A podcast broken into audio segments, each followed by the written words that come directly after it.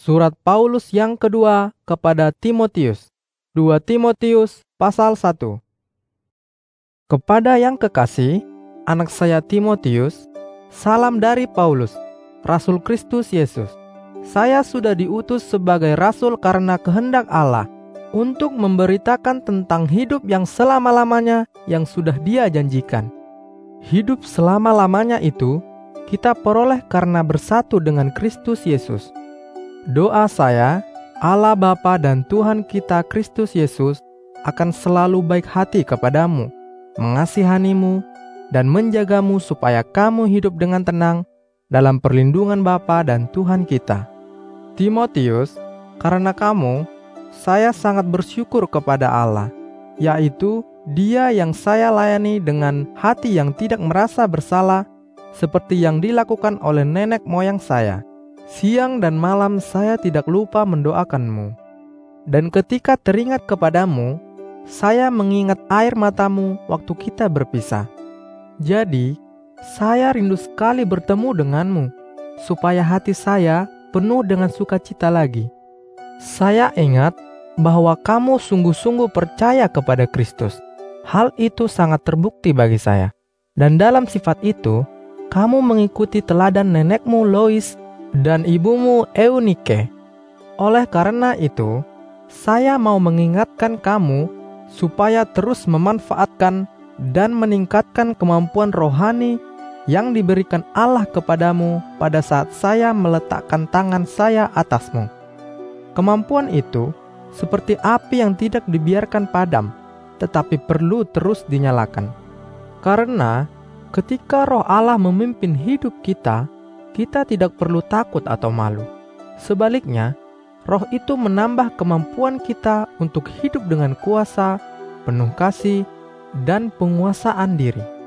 Jadi, janganlah kamu malu memberi kesaksian tentang Tuhan kita, dan janganlah malu karena saya yang dipenjarakan karena melayani Dia. Sebaliknya, dengan kekuatan dari Allah, kamu juga turut menderita bersama saya demi kabar baik. Karena Allah sudah menyelamatkan kita, lalu memanggil kita untuk hidup sebagai umat yang dikuduskannya. Semuanya itu bukan terjadi karena perbuatan kita, hanya oleh karena kehendaknya lah dan melalui kebaikan hatinya saja kita diselamatkan dan dipanggil.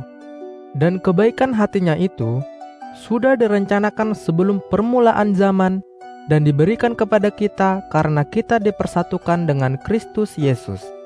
Keselamatan itu sekarang sudah dinyatakan kepada kita dengan kedatangan Kristus Yesus, Juru Selamat kita.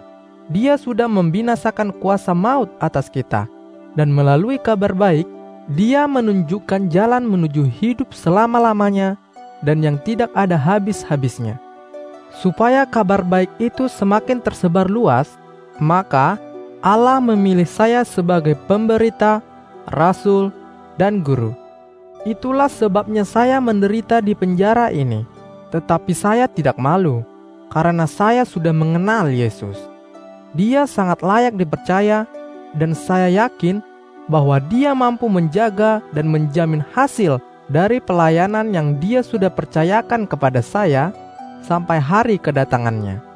Peganglah teguh ajaran benar yang saya ajarkan kepadamu.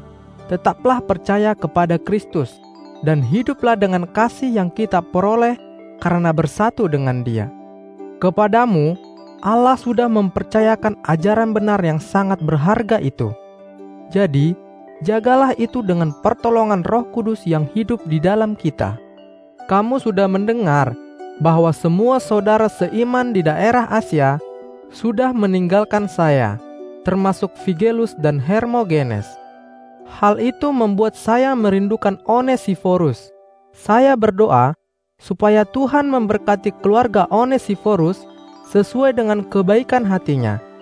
Biarpun saya di penjara, dia tidak malu mengunjungi saya. Bahkan ketika dia datang ke Roma, dia terpaksa mencari saya ke sana kemari sampai menemukan saya. Dia selalu menghibur dan menguatkan saya. Dan kamu pasti masih ingat betapa banyak dia menolong saya di Efesus. Hendaklah kebaikan hati Tuhan menyertai Onesiforus pada hari pengadilan.